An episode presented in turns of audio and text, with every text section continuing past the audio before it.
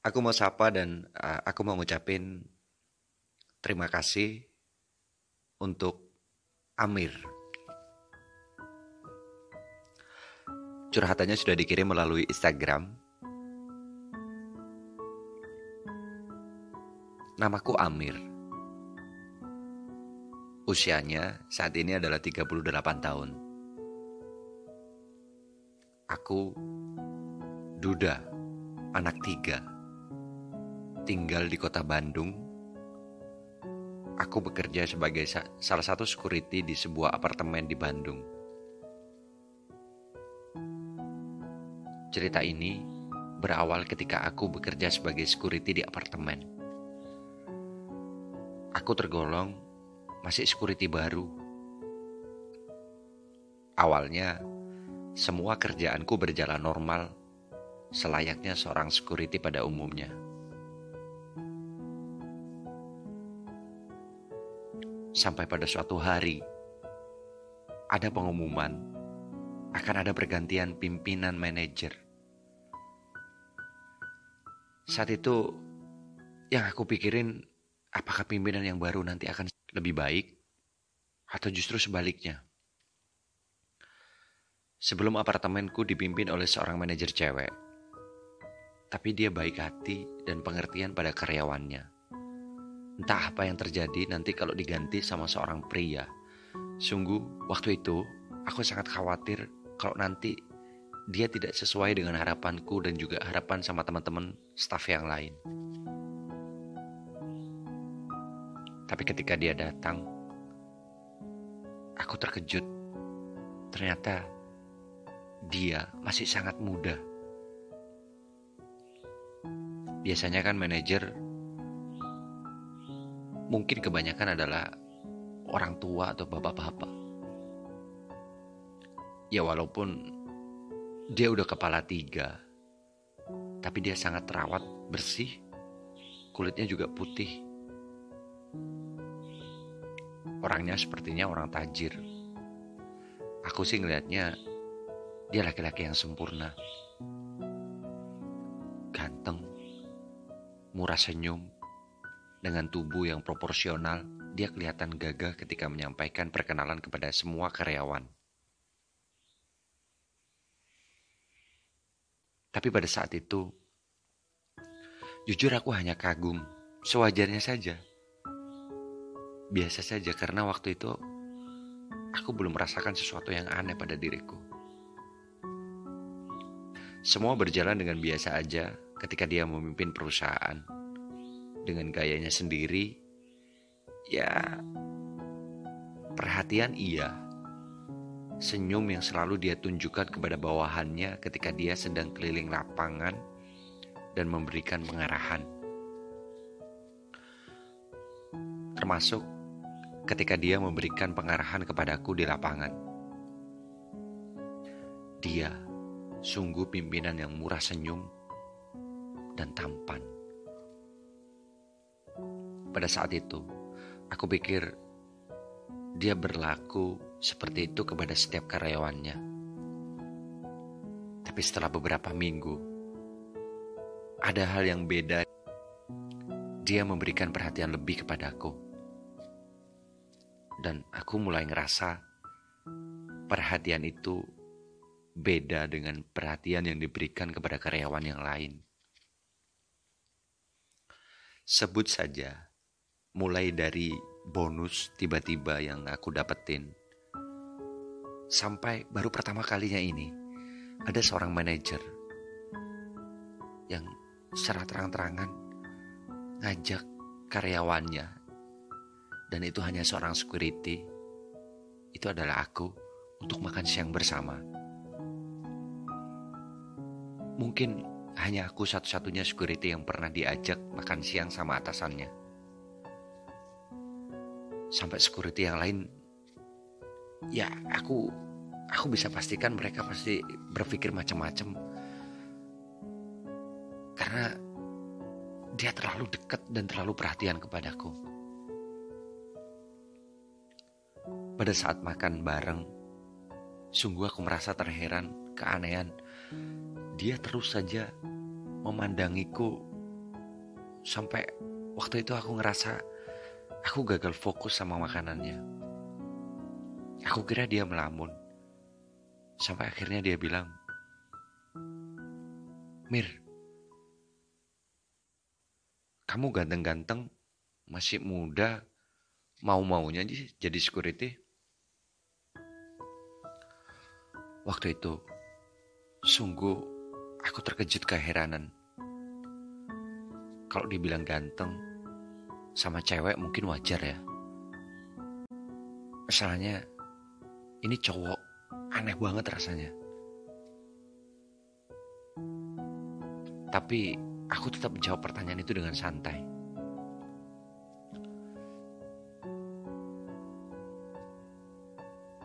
Aku bilang sejujurnya bahwa aku bekerja karena kebutuhan untuk menafkahi istriku. Walaupun umurku saat itu baru 18 tahun, aku nggak ada pilihan lain selain menjadi security karena aku cuma lulusan SMP. Dia pun kaget. Doh, aku kira kamu belum menikah. Ya, maklum pak, kecelakaan waktu remaja. Jadi akhirnya waktu itu aku nikah muda. Setelah perbincangan itu, dia pun tahu kalau aku sudah menikah. Tapi aku masih merasakan perhatian padaku nggak berkurang dan semakin menjadi. Sampai akhirnya pada suatu ketika, dia panggil aku ke ruangannya. Jujur waktu itu aku ketakutan. Aku pikir aku sedang melakukan sebuah kesalahan sampai aku dipanggil ke ruangannya.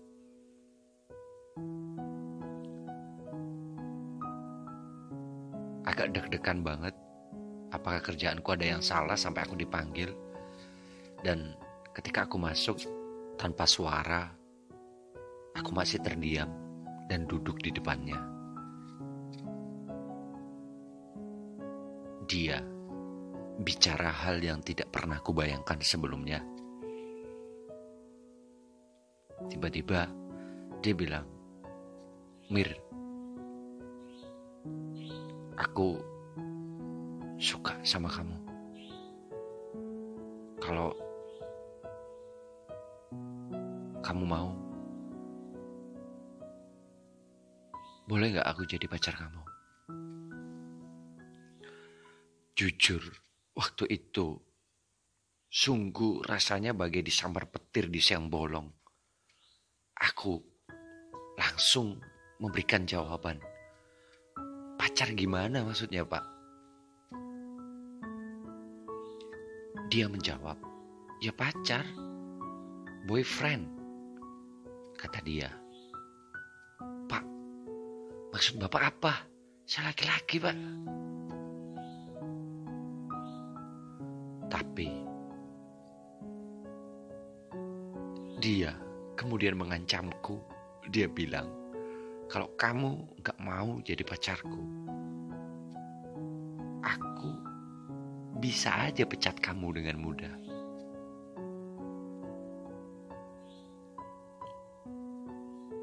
Aku tidak memberikan jawaban apa pun. Saat itu, aku sungguh kebingungan kalau aku dipecat, nanti istriku gimana? Apalagi waktu itu istriku lagi hamil dan tentunya butuh biaya untuk lahirannya nanti. Pak, Bapak kok gitu sih Pak?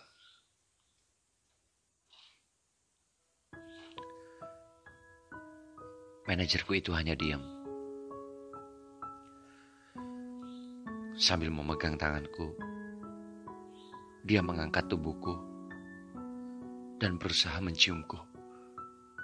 Aku cuma bisa pasrah. Antara takut, jijik,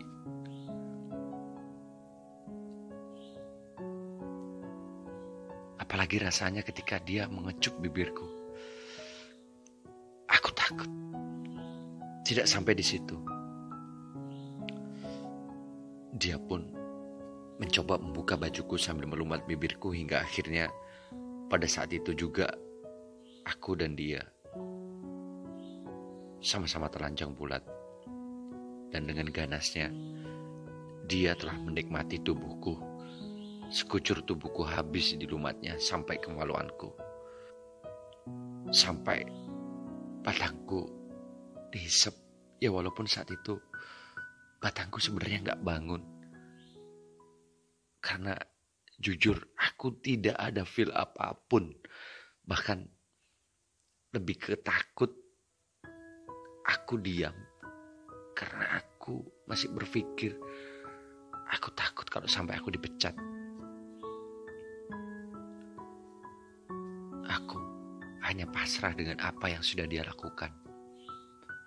Dia terus menghisap batang sebenarnya tidak bangun.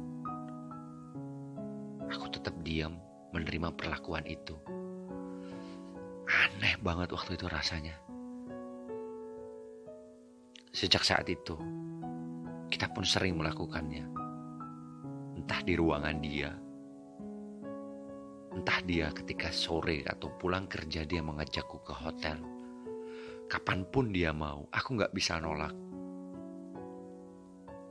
Semakin sering, dia saking bernafsunya, sampai berani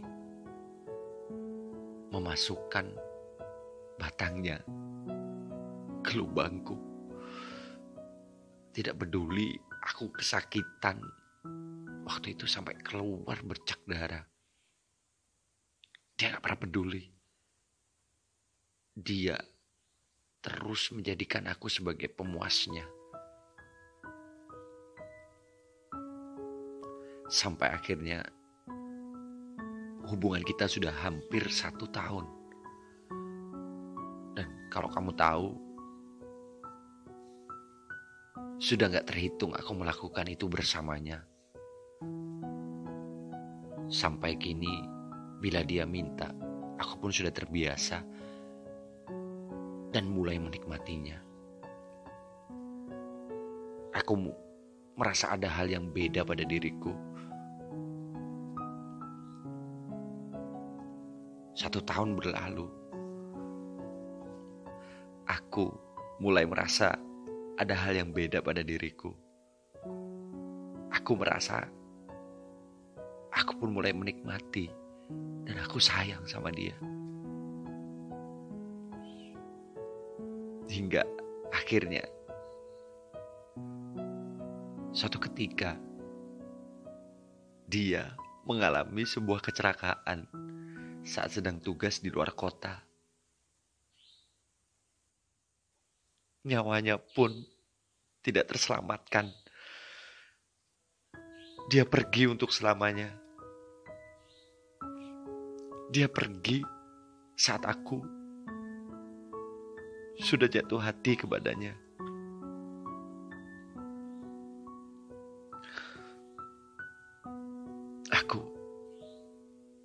Hancur waktu itu. Aku sedih.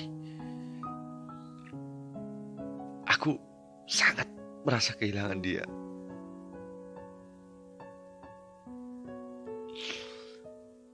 Sejak saat itu, aku tidak pernah berpacaran lagi dengan yang lain. Hanya dia, satu-satunya lelaki. Tidak ada yang lain sampai saat ini. Meskipun jujur Aku tidak bisa memungkiri hasrat atau keinginan untuk bercinta dengan lelaki. Saat ini mulai menggebu dalam diriku. Tapi aku sadar semuanya cuma nafsu.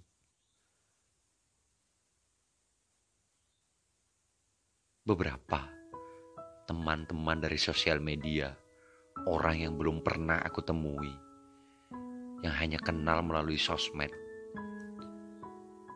Kenapa? Semuanya seolah-olah cuman pengen dengan tubuhku, tapi tidak pernah tahu bagaimana perasaanku. Beda sekali dengan dia. Dia yang udah pergi ninggalin aku. Orang yang penuh perhatian dan dengan tulus menyayangiku. Namun, kini dia udah pergi. Dan sampai saat ini aku belum menemukan sosok laki-laki seperti dia. Mungkin dia adalah cinta pertama dan terakhirku untuk laki-laki.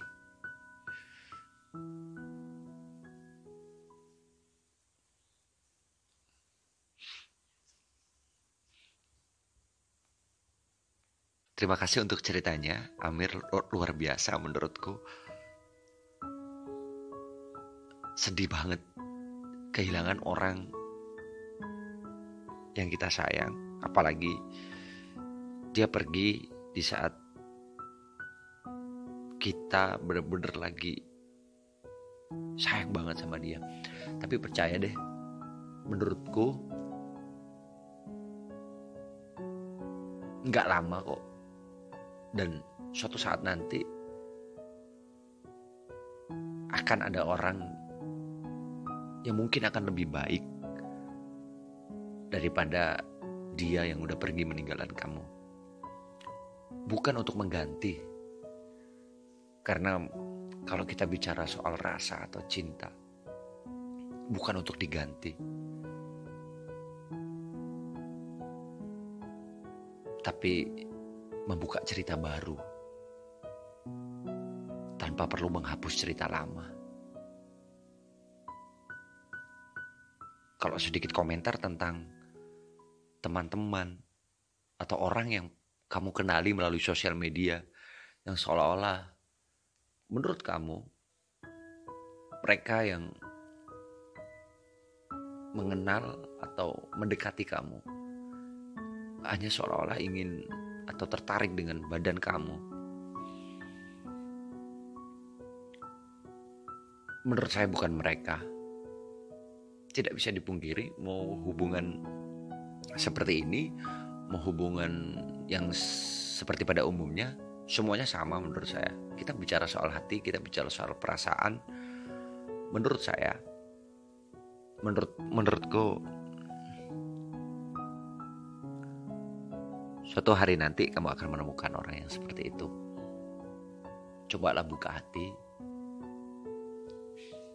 Tidak semua orang di luar sana yang saya sebut terutama teman-teman teman-teman sang lelaki mungkin lagi dengar atau nonton video ini, saya yakin yang hidup selayaknya manusia pada umumnya banyak meskipun mereka hidup dengan sisi lainnya. Kamu tidak sendiri. Masih banyak orang baik di luar sana, meskipun orang itu menyimpan sisi lain kehidupannya. Terima kasih untuk Amir. Kita lanjutin. Ada beberapa curhatan lagi. Uh, ini ada ada Rian Febriansyah melalui Instagram. Oh sorry, melalui email ini. Assalamualaikum, waalaikumsalam. Selamat malam, Bang. Namaku Rian. Aku tadi baru cek YouTube kalau ada sesi suara lelaki. Nah, aku ingin curhat. Sekarang aku sedang punya hubungan atau lebih tepatnya udah punya pacar. Dia kerja di Jakarta. Pacarku itu laki-laki.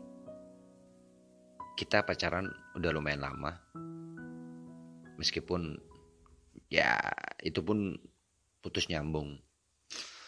Tapi selama pacaran kita belum pernah ketemu karena kita beda kota dan karena satu dua hal yang membuat kita untuk jangan dulu ketemu. Nah, yang kita lakuin selama ini hanya video call atau chatting via WA. Jujur, orang tuaku sudah tahu kalau aku sakit. Dan alhasil aku berhubungan dengan pacarku yang di Jakarta ini menjalin hubungan dengan boyfriendku ini sembunyi-sembunyi dari orang tua. Karena ketika ketahuan, orang tuaku pasti akan marah dan berpikir bahwa aku belum bisa meninggalkan ini. Setahu keluargaku, aku sudah hidup selayaknya orang pada umumnya tanpa sisi lain. Umurku saat ini sudah hampir kepala tiga. Bisa dibilang sudah waktunya untuk menikah. Dan saat ini pun sebenarnya aku dekat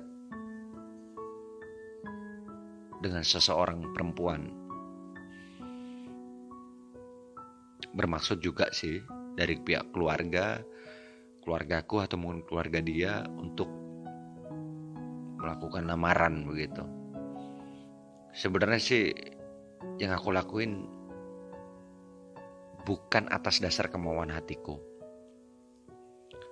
Aku sekali lagi cuma tidak mau orang tuaku terus menanyakan pasanganku mana. Takutnya orang tuaku akan berpikir kalau memang aku belum bisa meninggalkan sisi lain ini. Padahal memang sampai sekarang pun aku belum meninggalkan itu. Saat ini, aku benar-benar bingung. Di sisi lain, aku sangat sayang dengan pacarku yang di Jakarta. Tapi aku juga dituntut untuk segera menikah. Mungkin abang juga pastilah tahu dan paham melupakan orang yang kita sayangi itu nggak mudah. Mohon sarannya, terima kasih atas waktunya. Terima kasih juga untuk Rian. Rian, masalah seperti ini untuk laki-laki atau untuk orang yang hidup dengan sisi lain, itu akan dialaminya hampir seluruhnya. Saya tidak bisa memberikan keputusan. Keputusan ada di tangan kamu. Karena itu sebuah pilihan ini sedikit masukan atau saran lah ya saran dari dariku jujur kalau saya saya pribadi sekarang pun saya belum menikah. Saya dituntut keluarga untuk menikah ya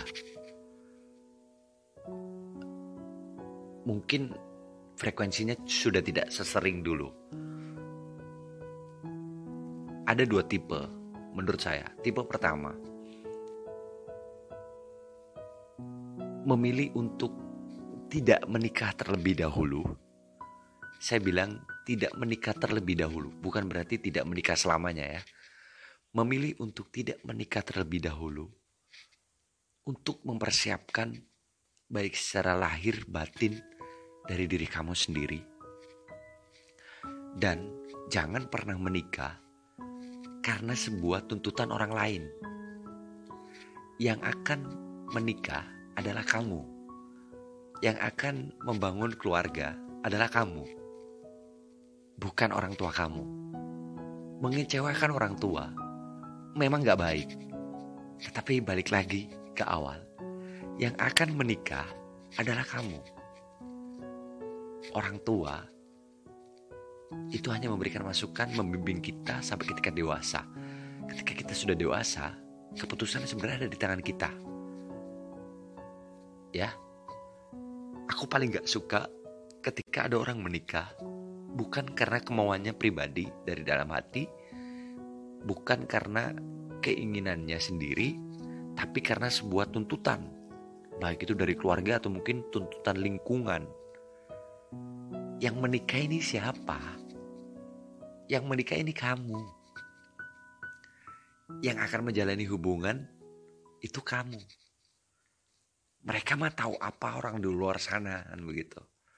Menurut saya begitu. Jika memang belum siap, jangan mengambil keputusan. Mantapkan hati dulu. Siapkan semuanya terlebih dahulu dari lahir batin kamu. Menurut saya begitu. Itu tipe yang pertama. Tipe yang kedua, balik lagi. Kalau kita bilang tuntutan dari keluarga atau orang tua, itu bukan hal mudah untuk kita tolak. Mereka tidak pernah tahu sisi lain kita. Dan kita pun tidak akan pernah untuk bisa dengan mudah menyampaikan itu kepada orang tua. Harapan orang tua biasanya setelah sekolah, kuliah, kerja, menikah. Itulah budaya yang ada di ya di sekitar kita. Dan itulah harapan mereka. Ya kalau orang tua kita masih muda. Mohon maaf kalau misalnya orang tua kita sudah berumur. Mereka pengen lihat anaknya menikah. Jadi saya juga tidak menyalahkan orang-orang yang sebenarnya masih menyimpan sisi lain dalam dirinya. Tapi mereka memberanikan diri mengambil keputusan untuk menikah. Lebih menguatkan dirinya. Ya karena kita hidup di lingkungan sosial. Ya memang seperti ini. Oke. Jadi pilihannya ada dua kamu pilih yang pertama, jangan pernah menikah kalau memang itu adalah sebuah tuntutan. Yang kedua, ketika tuntutan itu memang sudah tidak bisa ditoleransi, coba ambil keputusan, tetapi tetap matangkan hati, pikiran, dan persiapkan lahir batin kamu. Itu mungkin masukan dari sang lelaki atau mungkin dari teman-teman yang lain boleh ikut ngasih masukan juga silahkan berkomentar di bawah. Satu lagi ya satu curhatan lagi ada Andrean Riz ah, sorry Andrean Ricky namaku Andrean umurku 24 tahun aku seorang kasir sebuah minimarket yang ada di kota Semarang Aku pengen curhat sesuatu tentang masalah percintaanku yang nggak jauh-jauh dari yang namanya PHP. Pemberi harapan palsu. Mulai dari ditinggal tanpa alasan, dijadikan selingkuhan, sampai dijadikan pelampiasan pun pernah. Terkadang aku merasa seperti dipermainkan oleh mereka yang datang dan pergi sesuka hati tanpa memikirkan perasaanku.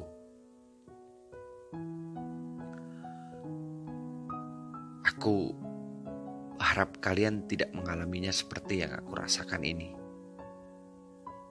Mungkin aku tidak memikirkan soal masalah percintaan untuk saat ini karena jujur memperbaiki hati yang sudah terluka itu tidaklah mudah butuh proses dan waktu yang cukup lama, apalagi yang sering tersakiti. Mungkin hati ini tidak akan utuh lagi seperti dulu. Sekian, cukup curhatan dari saya. Terima kasih Andrean. Andrean uh, agak miris ya ceritanya. Percintaannya di PHP-in ditinggal tanpa alasan, dijadikan selingkuhan, sampai dijadikan pelampiasan. Pokoknya sakit hati mulu ya. Menurutku, ini masukan aja atau gambaran. Justru ketika kamu sudah melampaui atau melalui beberapa tahap yang begitu banyak, mulai kamu yang pernah ditinggalin, kamu yang pernah uh, diselingkuhin, kamu yang pernah di PHP-in, itu adalah sebuah modal. Itu adalah sebuah pelajaran dari seluruh kisah atau cerita yang pernah kamu alamin untuk membentuk dan apa ya jadi sebuah kekuatan untuk kamu ketika nanti kamu sudah siap untuk membuka hati lagi kamu tidak mudah untuk menerima seseorang yang belum kamu yakini bahwa dia tidak akan menyakiti kamu. Memang, kalau kita menjalani sebuah hubungan, mau hubungan sisi lain seperti ini pun, ya namanya hubungan dua kepala menjadi satu. Nggak semuanya kok, nggak selalu akan senang-senang. Pasti adalah uh, perbedaan yang muncul, pasti ada uh, sakit hati, pasti ada cemburu dan sebagainya. Tapi selama itu hal wajar dan bukan toksik, menurut saya selama masih bisa diselesaikan berdua, didiskusikan, itu bagus. Tapi kalau sampai kejadian yang sudah kamu alamin, berarti itulah salah satu bahan yang bisa kamu pegang untuk perjalanan hidup kamu ke depan jadi ketika kamu akan membuka hati, kamu akan lebih selektif. Kamu akan lebih punya kriteria khusus. Dan tidak sembarangan untuk menerima orang. Menurut saya begitu. Teman-teman juga boleh bantu yang lainnya. Boleh ikutan komentar di bawah ini. Terima kasih. Tiga curhatan ini saya pikir untuk cukup untuk hari ini. Yang jelas inilah pertama kali episode 1 untuk suara lelaki ruang curhat sang lelaki. Kalau teman-teman juga punya problem, punya masalah, uh, boleh dibagi. Saya cuma pesan, kalau misalnya mau curhat, jangan cuma poinnya saja ya. Atau mungkin ngajak ngobrol, saya bingung. Karena yang masuk kan lumayan banyak, jadi kita bukan interaksi begitu. Tapi langsung aja diceritain selengkap-lengkapnya, sedetail-detailnya seperti apa masalah kamu. Bukan saya harus tanya misalnya ada banyak nih uh, min aku pengen nih cari BF cuman begitu doang chatnya. Berarti kan aku harus balas dong. Ya cari BF yang seperti apa usia kamu berapa kamu pengennya kriterianya seperti apa orangnya.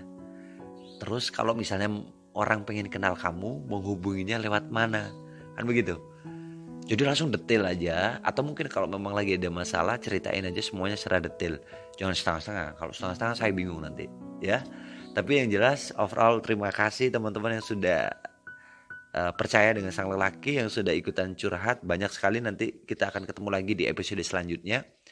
Yang belum ikutan curhat juga masih saya kasih kesempatan. Silahkan kamu bisa kirim curhatan kamu melalui Instagram di @sang_lelaki atau mungkin melalui email di officialsanglelaki@gmail.com. Jangan lupa teman-teman yang lagi nonton video ini juga kamu bisa bantu mari kita selamatkan, mari kita uh, kasih masukan untuk saudara-saudara kita, teman-teman kita yang sedang lagi ada masalah. Kamu boleh ikutan komentar di bawah ini, ya. Biar semuanya senang. Jadi nanti ketika kamu yang lagi ada masalah, nanti dibantu sama teman-teman yang lain. Kita saling bantu aja.